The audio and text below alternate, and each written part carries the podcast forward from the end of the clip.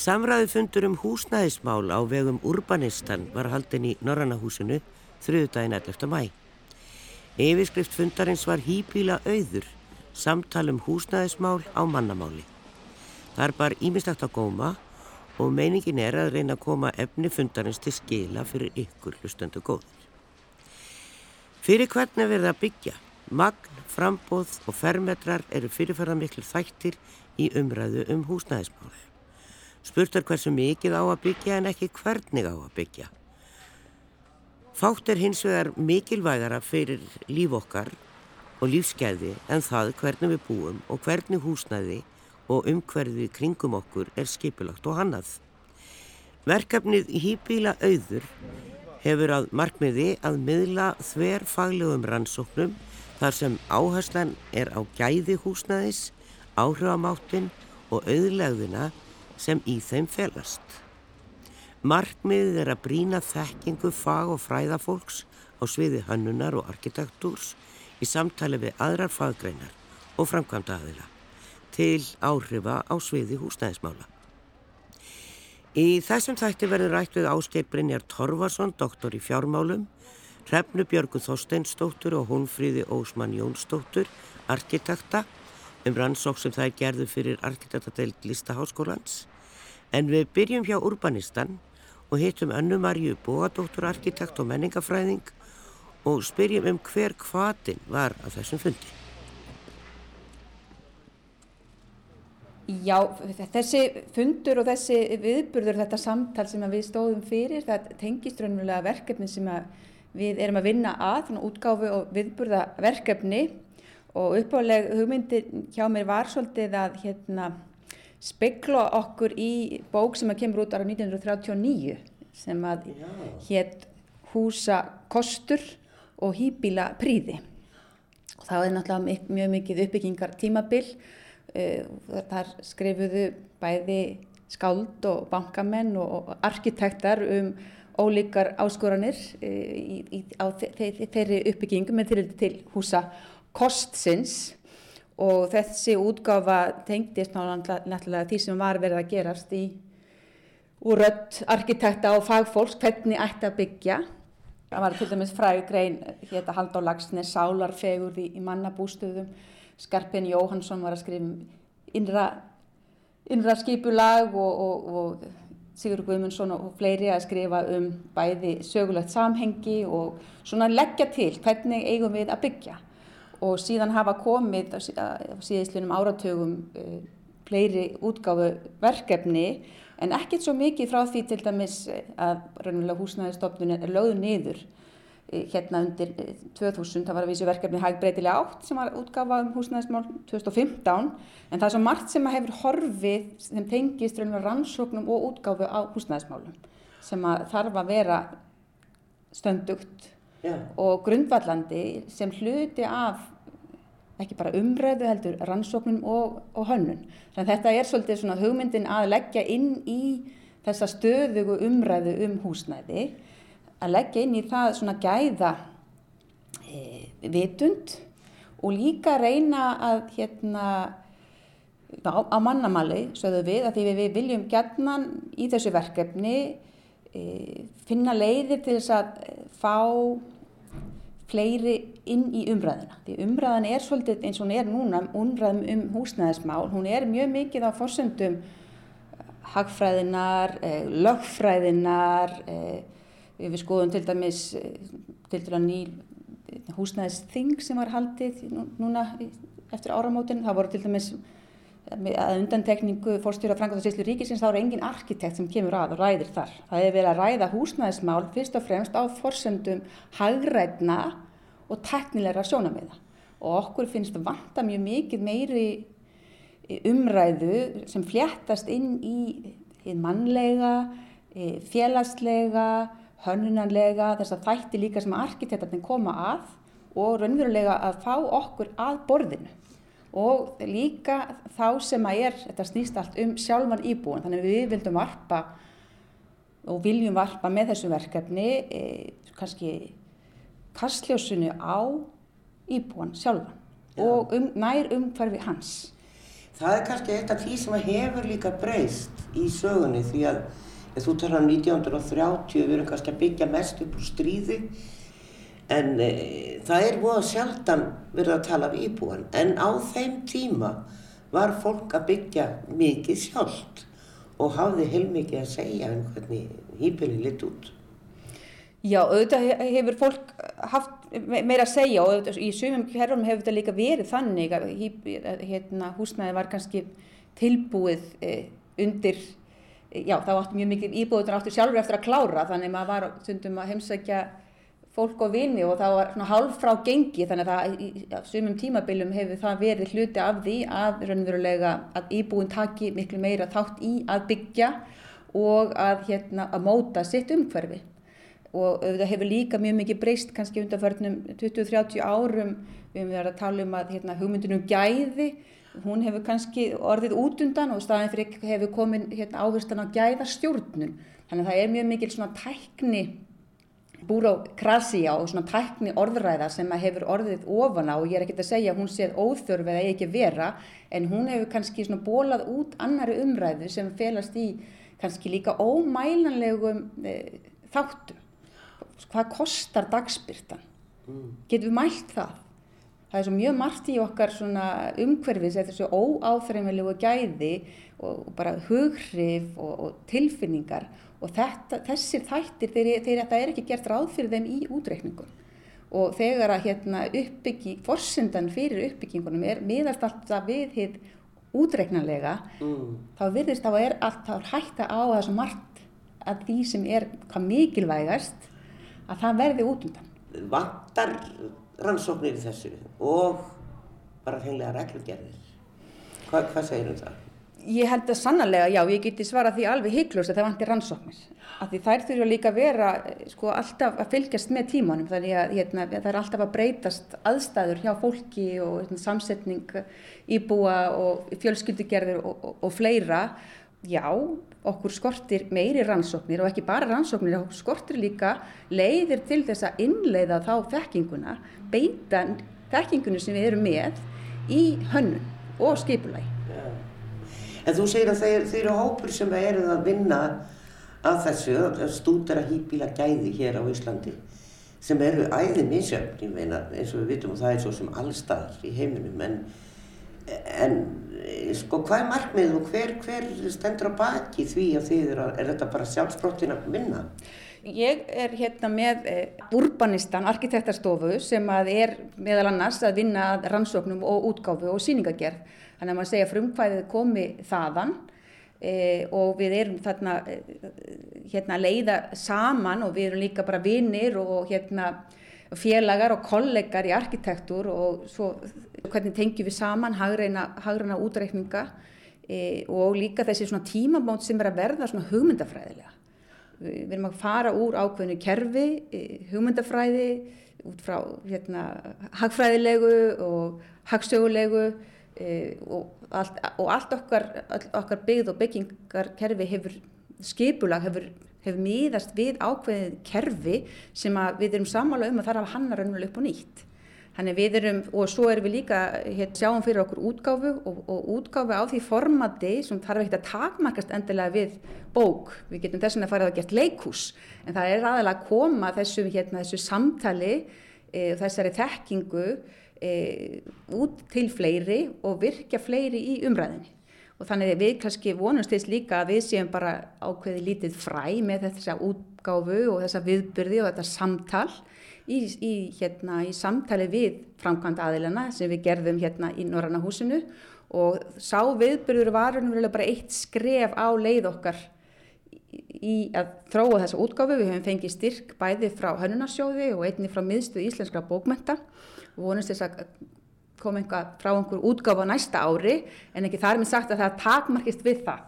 En það er unverulega kannski að hvaðin, sérstaklega að mér er þetta svona, svona æbandi gap hvað varðar húsnæðisrannsóknir og raunverulega umræðu um húsnæðismál sem snýr ekki að því hversu mikið við ætlum að byggja eða magn húsnæðisins sem við ræðum sannanlega alveg nóg mikið um en við ræðum ekki nóg mikið hvernig á þetta húsnæði vera hvernig eiga þessar 30.000 íbúður vera eða 10.000 íbúður vera, 500 íbúður að vera sem að við erum oft kynnt fyrir og heyrum kynningar hversu margar íbúður að vera. Við viljum ræða hvernig ætlum að byggja þessi íbúður. En þú talar um sko að kerfið væri í rauninu fyrir að komið nýtt kerfi.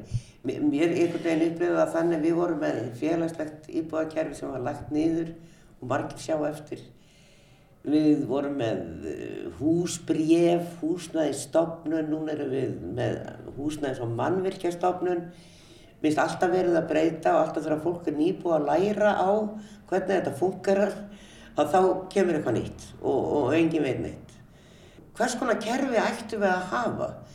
Þú talar um, hvers konar íbúðir og það er, það er bara nú á góma þarna, hvers konar íbúðir þurfa endilega þeir sem eru félitlir að búa í litlu húsnæði og þeir sem eiga meiri pening að búa í stóru fínu húsi e, eða bara stærri og dýrar íbúðum. E, þetta er, er þetta kerfislægt eða hvað viltu meina um það? Ég held að það sé engi spurningi á að þetta sé kerfislægt að því jafnvel þótt að það sé kannski ákveðin svona sín og teiknað upp í hérna, hugmynd okkar um almennar íbúðir. Mm. en það er þá kannski ákveðin öfugmæli að því það er ákveðin hérna, munur á almennu íbúðarkerfi hér til dæmis samanbörði við Danmurku þar sem almennar íbúðir, almennt íbúðarkerfi er raunverulega fyrir alla.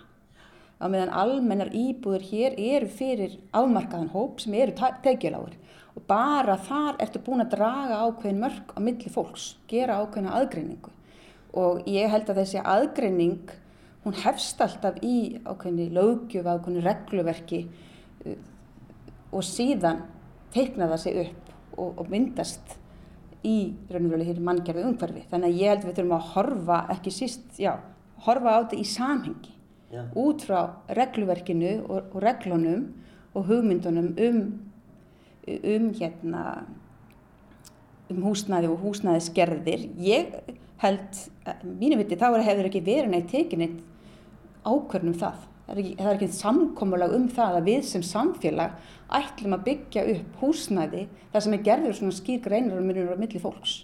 Ja. það, það er ekki eitthvað sem ég hef verið kynnt fyrir, það hef séð nokkuð stað þannig að ég held að hérna, einhver stað samt sem áður í regluverkinu þegar þú segir sem sé til dæmis að hérna að uppbyggingin húsnæðisins hún á að hérna vera bundin e, raunverulega tekjum láttekjuhópa þá ertu raunverulega að fara að ákveða taka ákveðna ákveðinu um gæði þessa húsnæðis.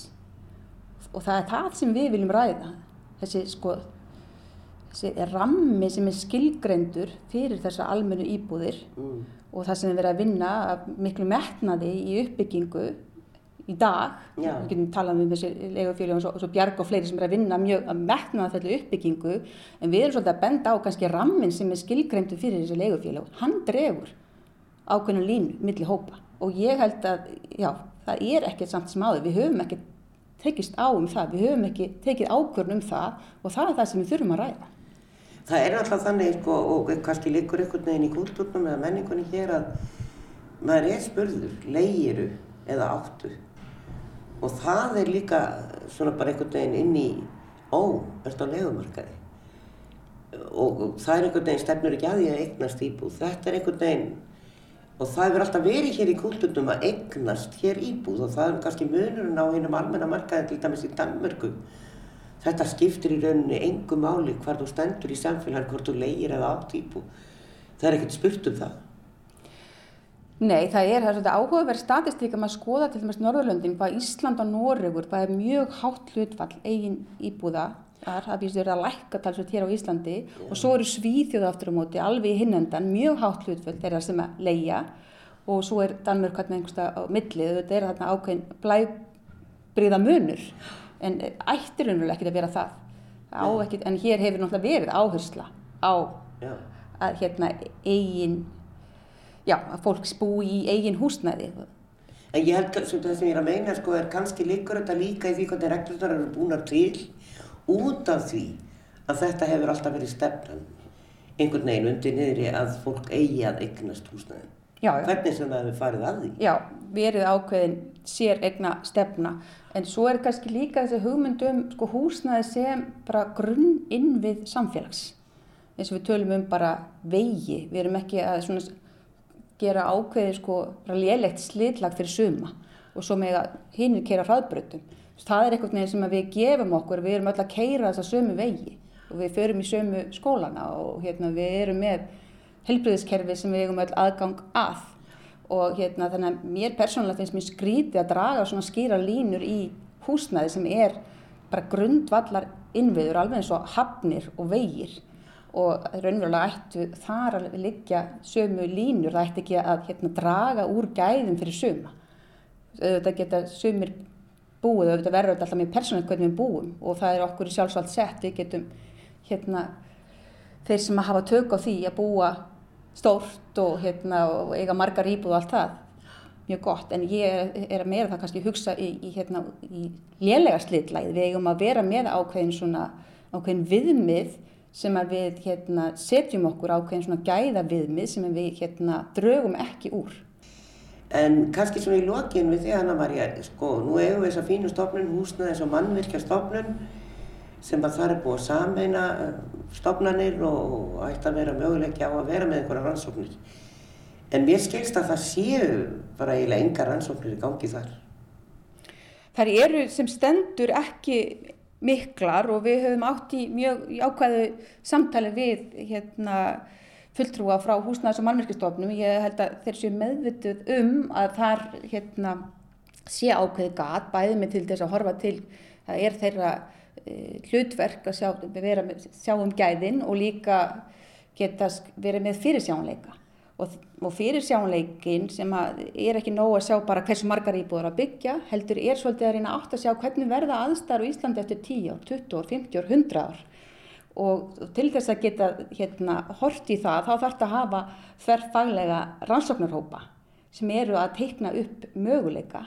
Og þetta vantar og inn í hérna húsnæðs- og mannverkstofnun og það var líka frábært að geta verið með bara rannsóknarprofessora við okkar til dæmis listaháskóla sem eru í samstarfi við aðela og með rannsóknarprofessora þess vegna líka í takniháskólum hvort sem það væri háskólinn Reykjavík eða annað. En að því það er líka graf alvarleg sem tengist þessu að á sama tíma er raunverulega að vera að leggja niður nýsköpunarmiðstöð þar sem að rannsóknarstofnun byggingarinnans var komin inn. Og þetta er það tengt, tengt þessu Já. og það er núna, skils mér verið að finna út eitthvað af þeim verkefnum sem fara, voru þar, fara inn í húsnæðis- og mannverkistofnun, eh, annað fyrir samkeppnissjóði en ég hef heldur ekki séð neina sannfarandi teikningu af því eh, hvernig svo rannsóknarstarfsemi og nota benið, þetta er einhver rannsóknarstarfsemi sem var ekki hefnjast í gær.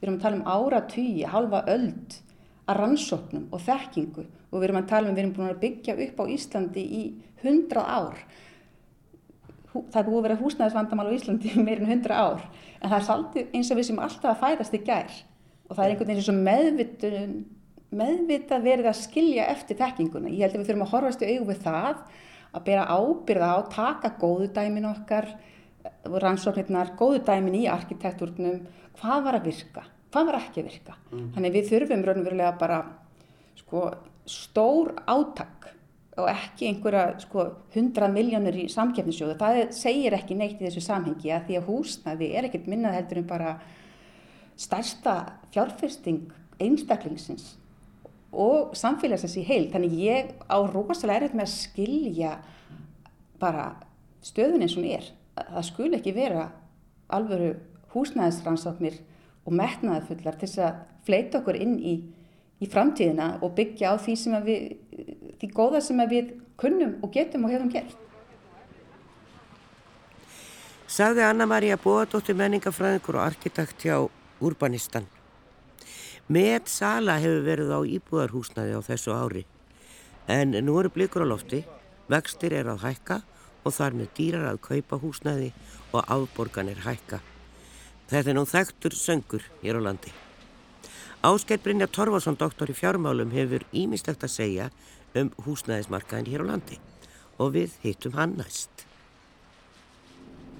Við ásker Brynja Torfarsson ákvaðum að passa okkur hér niður í miðbæ, við í Kvós, svona efstar hlutar Reykjavíkur og nýjasta í rauninni, Hér mætast gamli og nýju tíminn. Við sitjum hérna við bryggjusborðina á gamlu steinbryggjunni sem var jú aðal ingangurinn í Reykjavík fyrir hundra árum síðan og þegar Guðjón Samuelsson kom úr námi þá kom hann hér líklega á þessa bryggju og teiknaði svo þetta einskipafélagshús. Það var nú, held ég áðurinn að lög námi en það er fyrsta húsið þess að ég hef í Reykjavík. Þetta var eini ingangurinn í borginna, það er nú aldeilis breyst og það er nú aldeilis allavega umferðin hér núna í kringum Hafnatorkið er mjög mikil. Við erum alltaf með Hafnatorkið hérna bak við okkur, tollhúsið hérna fyrir frafan okkur þannig að maður segja kannski að það komið svona í miðjunni á þessum hundra árum. Og e, þannig að það svona tengist tíminn hérna. Og en þá er nú höfnin hérna og verður áfram.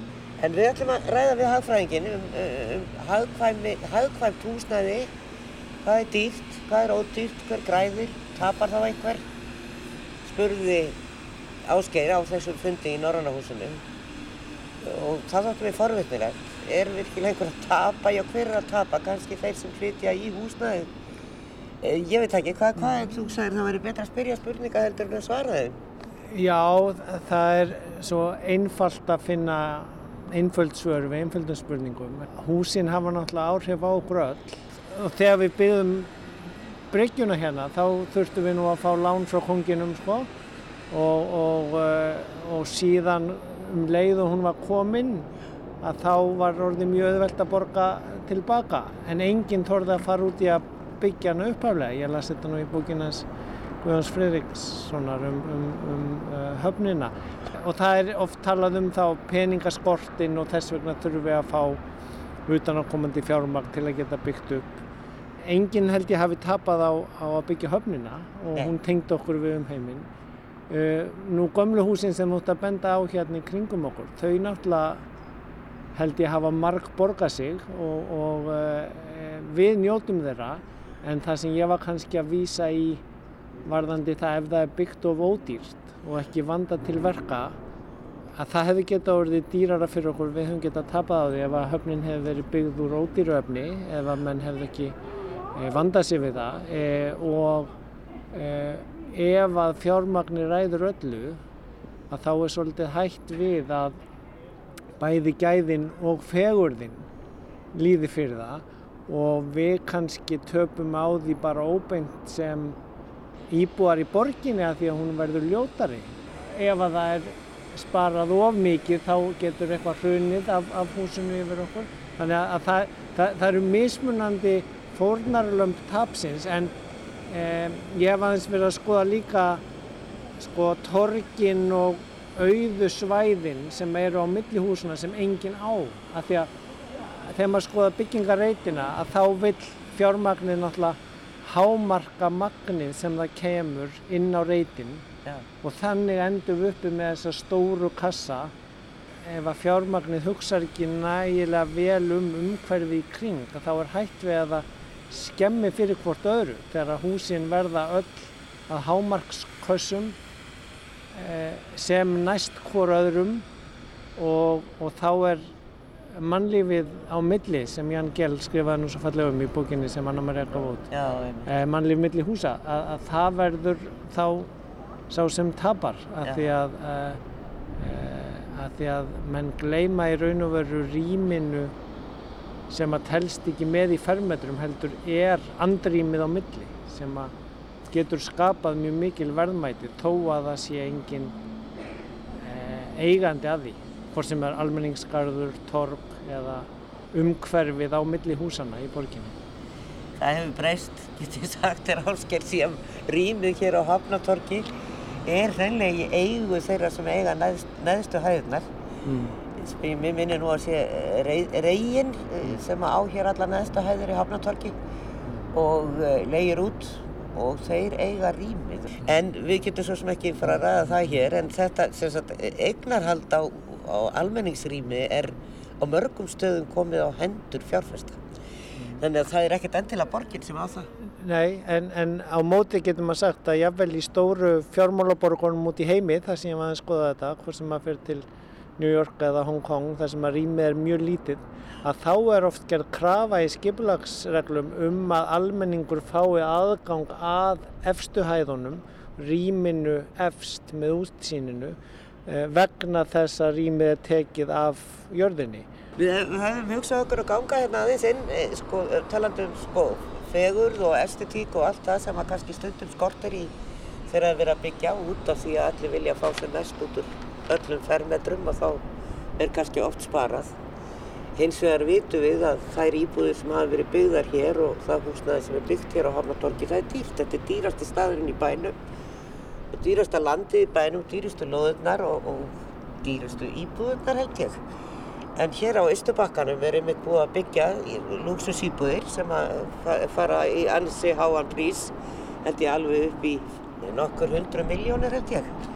En eh, hins vegar eru súlnagöng hérna við höfnina. Það, það er eitt sem er svolítið skrítið hér í þessu skipulagi, finnst mér að ég veit ekki hvort það er hagkvæmt eða hvað við verðum alltaf að koma bílónum vestur úr og austur úr. En hér komum við að Geiskut og hún er ansett þung umfæragata. Og eh, sem að svona við, með að við að vera í einhverju luxusýbúð. En við komum hérna yfir og þetta er svona eiginlega alveg splungun nýtt, það er kannski flutt inn í einhverjar íbúður hér. En það er sagt búið að ganga frá hérna. Þau eru alltaf skemmtilega þessi súlnagöng hérna og ég veit ekki hvort að þetta er dýrara eða ódýrara heldur en að byggja bara flatt og hafa, hafa ekki þetta skjól sem að súlnagöng veita. Við erum að spandir ansi miklu hér í uppbyggingu á þennan reit. Þetta er að byggja mesta, bygg, mesta byggingamagn í Reykjavík. Það er hérna á Hafnatorkinu. Já, það er nú gott að vera komin með hús hérna í staðin fyrir hóluna en það er nú kannski það sem uh, verkefnið okkar er að fjalla um uh, að það er náttúrulega þarf að hugsa um bæði gæðin og hönnunina og hönnunar gæðin uh, en ekki bara magnið og fermetrana það sem er búið til og hægt að selja af því heldur að það hefur áhrif á umhverfið okkar allt og Beigjum hér inn, Já. hér eru undirgöng og uh, við skilstum mjók inn til þess að minka vindin hérna inn hinum með þó maður finnist að þetta verið auðvöld en það er svona eitthvað tilfinning. Hér sjáum við alltaf bara og lítum ekkert hvar við erum í Reykjavík þegar við komum hér. en hér kemur, kemur allavega torg og kannski smá skjól. Já, við erum bak við hótelið og bak við húsið og við sjáum hér á vantarlega landsbanka. Þetta eru rosalega byggingar. Já, það er stillans utan á landsbankahúsinu. já. Þar var nú samkefni líka Já, og valinn svona enn einn kassabyggingin. já, kannski ekki hún er stölluð og svo, svona samkvæmt myndum af húsinu, það er alltaf ekki séð það enn. mm, Þá er nú skemmtilegur arkitektur á þessu húsi að mörgu leiti ok, en það var einhver tillaga sem var með svona grænu og hægt að fara upp upp ofan á það eins og, eins og Já, einn óperuna í- arkitekt Dana sem að hannaði það. Já, Það er nú ekki verið slúra að hafa einn á hús eftir hann hér. já, Hann byggir í New York og víðar. En erum við að spandera svona í bara fyrir almenna borgara, við getum sagt, við erum að tala um sko, almennar íbúðir, við getum ekki sagt að þetta séu almennar íbúðir.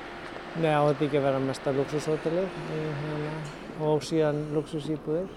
Það var Það- einhver sem hafði orð á því þarna á þessum fundi að eh, hvort, og setti spurningamerki við eh, að það, hér væri mögulega verið að byggja einhvers konar Kensington þar sem að fólk sem væri vel efnað ætti hér íbúð en væri kannski ekkert of mikið á staðinu. Já, já, ég held að það verið Halla sem nefndi það í um, umræðunum. Er frá alþjóðsambandinu. Sko, það er náttúrulega eitt sem gerist við fjármálavæðinguna að, þá verður steinsteipan eða, eða húsnæðið að ákveðinni fjármálaafurð í ástandi eins og er í heiminum í dag þar sem er bæði orðið erfitt að fá vexti á peningana því vextinir eru kringum 0 að þá er bæði orðið ódýrar að fá, fá lán til að byggja og kaupa húsin og síðan er það orðið vinsæl leið að geima peningana í steinsteipunni eða húsinu þannig að þetta er orðin meira fjármála afurð heldur en endilega heimili eða hýbíli mm. og, og þetta sá ég nú fyrst þegar ég kom til Asíu fyrir tíu árum að þar sá maður háhísin það var í Shanghai sem ég kom fyrst til og þar voru kannski ljós í örfáum glukkum og ég var að spyrjast fyrir um þetta, ég var hann með fastegna mógulum frá Skandinavíu. Og þetta byggðist á því að það borgaði sig ekki að leiði út íbúðunar það var svo dýrt að hitta þær upp og hafa rammak þannig að fólk var í raun og veru bara að geima peningin sem það hafði sapnað sér um, í húsnæði mögulega þá fyrir börnin sína eitthvað þess að það til þess að, að já, varðveita peningin í steinstöpu og síðan flytjinn síðar. Síðan það sem maður sér hefur gerst í þessum stórborgum er að þá náttúrulega verður síðan verðið svo hátt að, að venjulega fólki hefur ekki efna á að búa e, miðsvæðis eða í háísónum og, og, og þá er spurning hvað verður um, um aftur mannlífið á milli húsana sko. en, Já, það er ekki margir hérna núna en það er ennþá verið að byggja hérna eins og við heyrið en sko erum við að mæla sko allt skipula og, og svona bara pælingar í sambandi við uppbyggingu erum við að hugsa of mikið um bara tækni og fjármunni og en gleymum því að það þarf einhver að nota þetta, það er mannfólki sem á að nota þetta. Það hefur kannski verið trúin á það svona undarfarna kannski fjóra ára tíu að, að sem ég hef tengt við nýfrálsíkju tímabilið sem ég tel nú á samt mörgum erlendis allavega að vera komið svona á enda síns tíma runnið að þá uh, var trúin á það að markaðurinn myndi sjá um það að, að bæði gæðin væru tryggð og að, að besta nýtingin kæmi út. En, en, en, en það er augljóslega viss hætta af því ef að fjármagnin stýrir of miklu og reglunum er aflétt eh, of mikið að þá tekur það yfir gróðinn og hagnaðurinn eh, stýrir því að, að að jável almannagæðin verða einhverju leiti undir. Þetta er náttúrulega erfitt jafnvægi því að ekki hefðu við geta byggt hér bara upp hús fyrir ofinbært fjö eða eh, hérna ætlað einhvern veginn að, að taka, taka skatta fólki til að byggja hér falli hús. Það sem hins vegar kannski við eigum eftir að finna út er hvernig eigi að ná betra jafnvægi þann á milli. Það er að segja að, að það að hafa reglur um uh, hver mikið má byggja og að það megi ekki vera á hátt og að það þurfa að vera á hver mikið rými á milli það getur í raun og veru aukið bæði gæðin og einnig þar með því raunverulega verðmæti í húsbyggingunum og umhverfinu ef að við skoðum það með lengra sjónarhóttni en bara því að nú þurfum við að fá penning til að byggja hér hratt og við þurfum að byggja þá sem mest til þess að að selja sem mest og, og, og e, fá sem mest út úr landsvæðinu. E, heldur e, getur við fengið meira út úr því með því að gera það aðeins vandaðar og jafnvel aðeins minna því að, að, að minna getur verið betra. Við sjáum hér til dæmis á þessu húsi, hérna eru svona út skot sem er augljóslega dýrar að byggja en þau hlaupa þá meiri byrtu inn. Já. Þetta er nú bara eh, svona gamalt klassíst byggingaform að láta glukkarna koma í svona 45 gráðum út. En, en það sama getur við séð í varðandi gæðin eh, gamalt verkefni sem ég kom að þar sem við ætlum nú að spara byggingu að því að það voru takmarkaði fjármunir. Þetta var hús háskólan sem heitir Askja núna að þá ætluðum við nú alltaf ekki að vera að eða penningi marmara á golfið. Svo settust við yfir það og reiknuðum líftímakostnæðin af því að setja ódýrari golfefni, viðhaldið á því, uh, umhyrðan. Uh, þannig að reikningstæmi var auðvelt á endanum að það var í raun og veru ekkert svo dýrt að kaupa marmaran á golfið í almenningsrýminu í öskju að því að ef maður horfir á það með 40 ára fjárfestingar uh, tíma að þá er það hagfamara heldur en að kaupa lélegt gólvefni sem er kannski ódýrara í fjárfestingunni upphaflega en þarf að endur nýja oftar er dýrar í umhyrðu og, og þannig eh, held ég að mjög margt eh, geti verið gert betra ef að menn horfa meira til líftímakostnæðarins en ekki bara þess að eh, komast sem ódýrast frá því upphafi. Og þar kemur aftur fjármálávaldið til sögunar að ef að menn eru að byggja eins og þarna ofinbært hús sem að uh, við ætlum að eiga saman um alla framtíð að þá er það engin spurning að það borgar sig að vanda til þess bæði hannunarlega og efnisvalslega og hvernig maður uh, lætur það verða. En ef að það er á hinbógin bara verið að byggja til þess að selja hratt og fljótt uh, með sem hæstum hagnaði að þá er hægt við að, að menn freystist til að, að taka ódýrari leiðir eða meira magn sem að bytnar þá í, í, í gæðunum eða umhverfinu til lengri tíma lit og þá töpum við öll á því sem lifum í umhverfinu eða þurfum að koma inn í það. Sagði Ásker Brynjar Torfason hagfræðingur og þarna dvöldum við að mestu við lúksusinn sem er bóðið upp á við höfnina. Aftur verður rætt við Ásker í næsta þætti og þá um almennar íbúðir. En við höldum vestur í bæ og skoðum okkur um á flyðrugranda með þeim Hólfríði Ósmann Jónsdóttur og Hrefni Björgu Þorsteinsdóttur, arkitektum frá A-arkitektum áður arkipúlunni.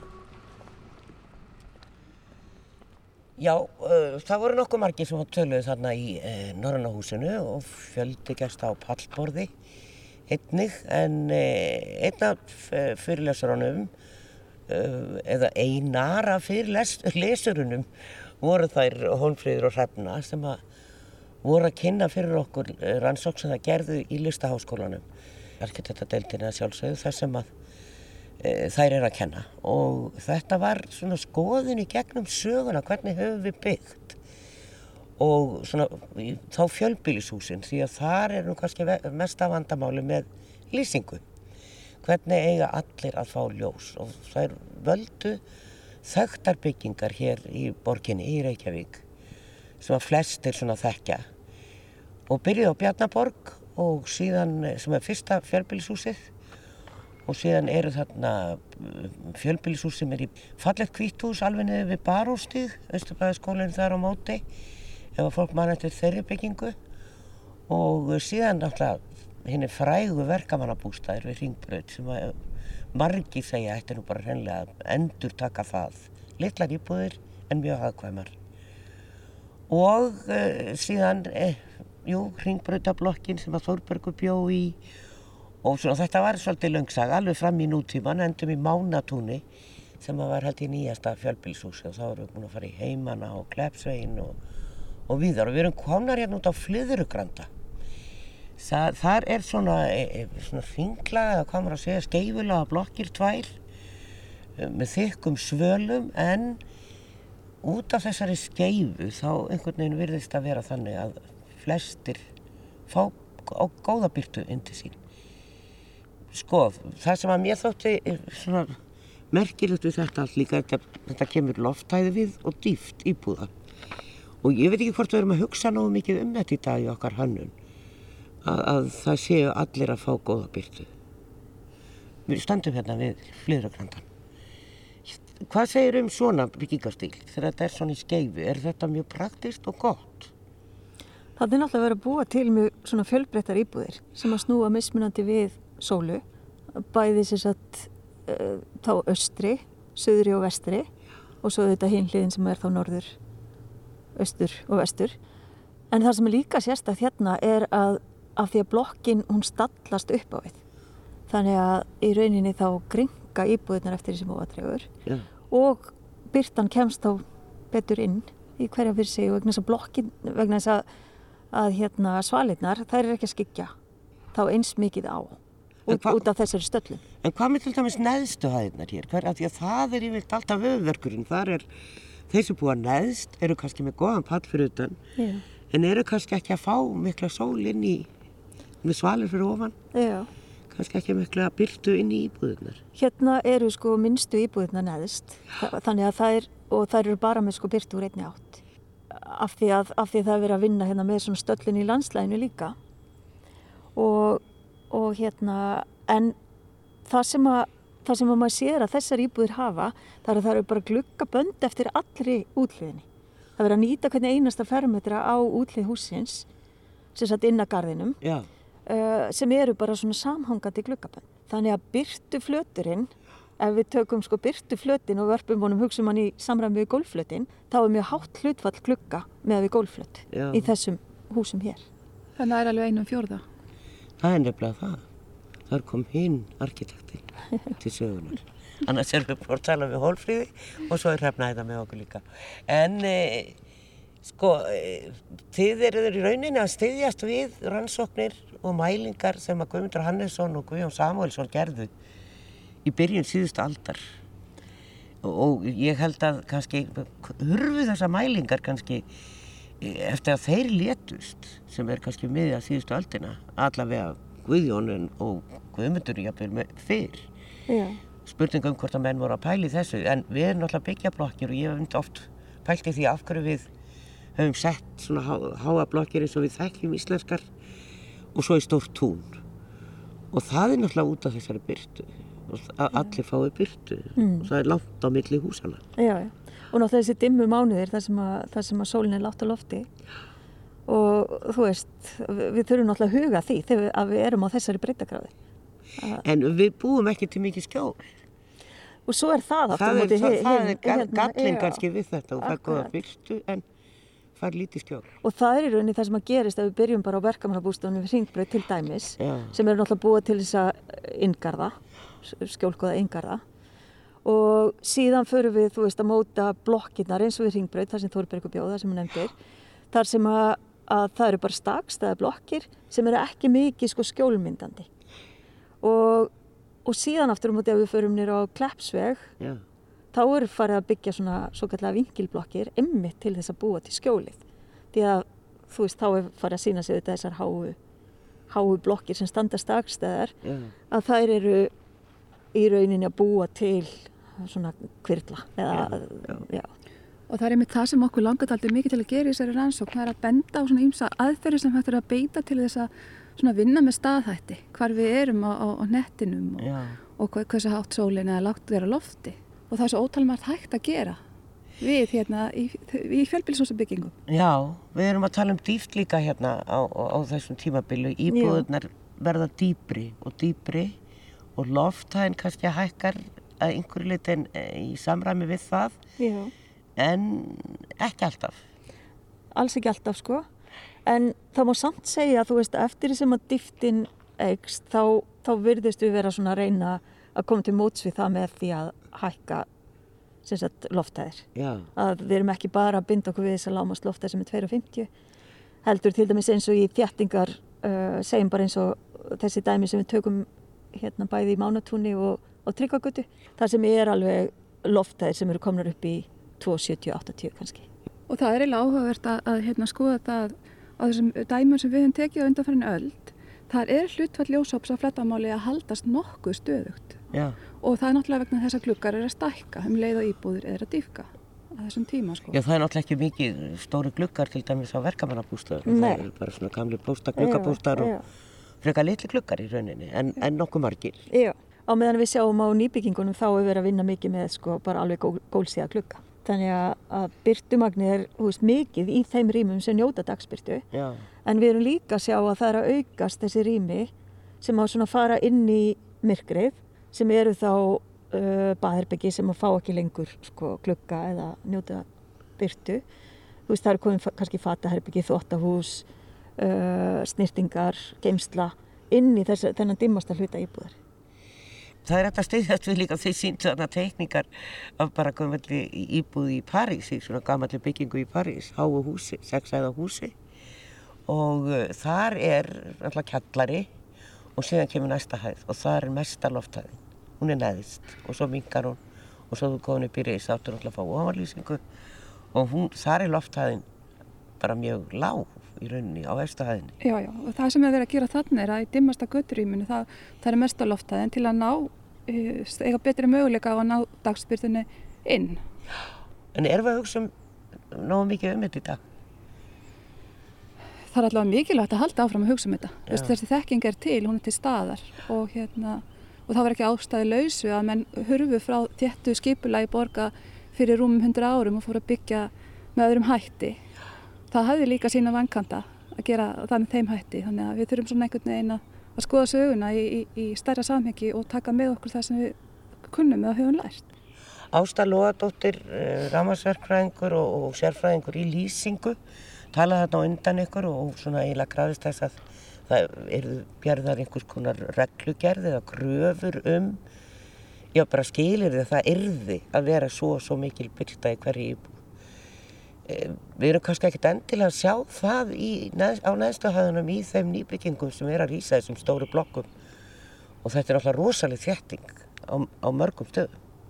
Þetta er rosalega þétting og það er ekkert í reglugjörðum sem hviður á um þetta sem hún nefnir, ekki ennþá. Nei. Það kann að vera að það komi setna. En já, eigum að ganga það langt að setja reglur um þetta? Eða, eða, eða er það bara mjög skynnsamlegt? Ég held að aðalega bara sé að þú veist umræðan um það. Að við, að við bara, þú séum að fjallum það og munum eftir því að, að, að, hérna, að þetta gleymist ekki. Já. Að því það eru auðvitað svo margir aðri þættir sem gera íbú góða. Veist, það er einmitt skjólmyndun, það er uh, útsýni, það er, veist, það er svo margt. Já. Þannig að við getum í sjálfu sér, þú veist eins og við erum að gera einangra svona bara dagspyrtina, uh, auðvitað þarf maður að horfa síðan á miklu stærra svona sjónarhóttn heldur en bara það. En það er auðvitað eitt hlutur sem verðum að, að gæta vel að. Sko, hvernig völdust þessi staðir, þessi hús og þessar byggingar sem að þau takið í þessa litlu rannsókn? Já sem er náttúrulega bara eins og ég segi gerð fyrir listaháskólan eh, hver, hver, af hverju völdu þessar byggingar? Sko við reyndum að velja bara uh, við, voru, við gáum okkur fyrst náttúrulega við varum bara að skoða fjölbilshús og bara að skoða íbúðir sem hafðu einungi spyrt út úr tveimur óttum og gagstæðum óttum og síðan reyndum við að velja dæmi þar sem eitthvað nýtt kemur fram, þar sem við verðum að kljástu eitthvað nýtt. Þar sem að sem er svona einkennandi fyrir kannski tímabilið. Já. já, þannig að þannig reynum við einhvern veginn þú veist og fikurum okkur svo fram til og endum sérst alveg inn í svona þjættustu Reykjavík þar sem, bara, þar sem við erum að, að þjætta borgina í dag. En, en hérna reynum svona skoða alltaf hvernig tökust við á við þessar nýju áskoranir já. sem að auðvitað eru Já, nákvæmlega en þannig margir sem segja að þessi þjætting sé einum of við erum að fara, ég man ekki hvað fjöldin er akkurat núna en fara svona meða við hektara ég man ekki hvað eru margir hvort það eru 60 upp í 250 á hvern hektara íbúðir mm -hmm. núna í sko mestu þjættingunni já, já. Það er hreint ótrúlegt. Það er ótrúlega þjætting hér er nokkuð þjætt þetta eru margar íbúður í þessum blokkum en þær eru ekki mjög háar. Þetta eru bara fjórarhæðir það eru bara eiginlega sjálfgeft að við sjáum fjögra hæðablokkir í dag. Það er fara upp í fimm og eindrýn setta hæð og jafnvel sjönda mm -hmm. þannig að við erum að byggja ansi hátt. Við hvaðjum Ónfríði Ósmann Jónsdóttur og Hrefni Björgu Þorsteinsdóttur arkitekta og förum að slá botnin í þetta í dag En ég myndi rétt í mestu þéttungunni erum við að byggja 240 íbúðir á einum hektara en 60 íbúður á hektar er svona viðmið við breyðholt til dæmis. Rosalega þjætting. Við höldum áfram á þessum nótum í næsta þætti, hugum meira að almennum íbúðum, hvað er átt við þar og spyrjum af hverju eiga tvekjuláir endilega búa þröngt, getur við krafist luxus fyrir alla og reynum að lenda hugmyndinu um hýbíla gæði til framtíðar en verðið sæl að sinni.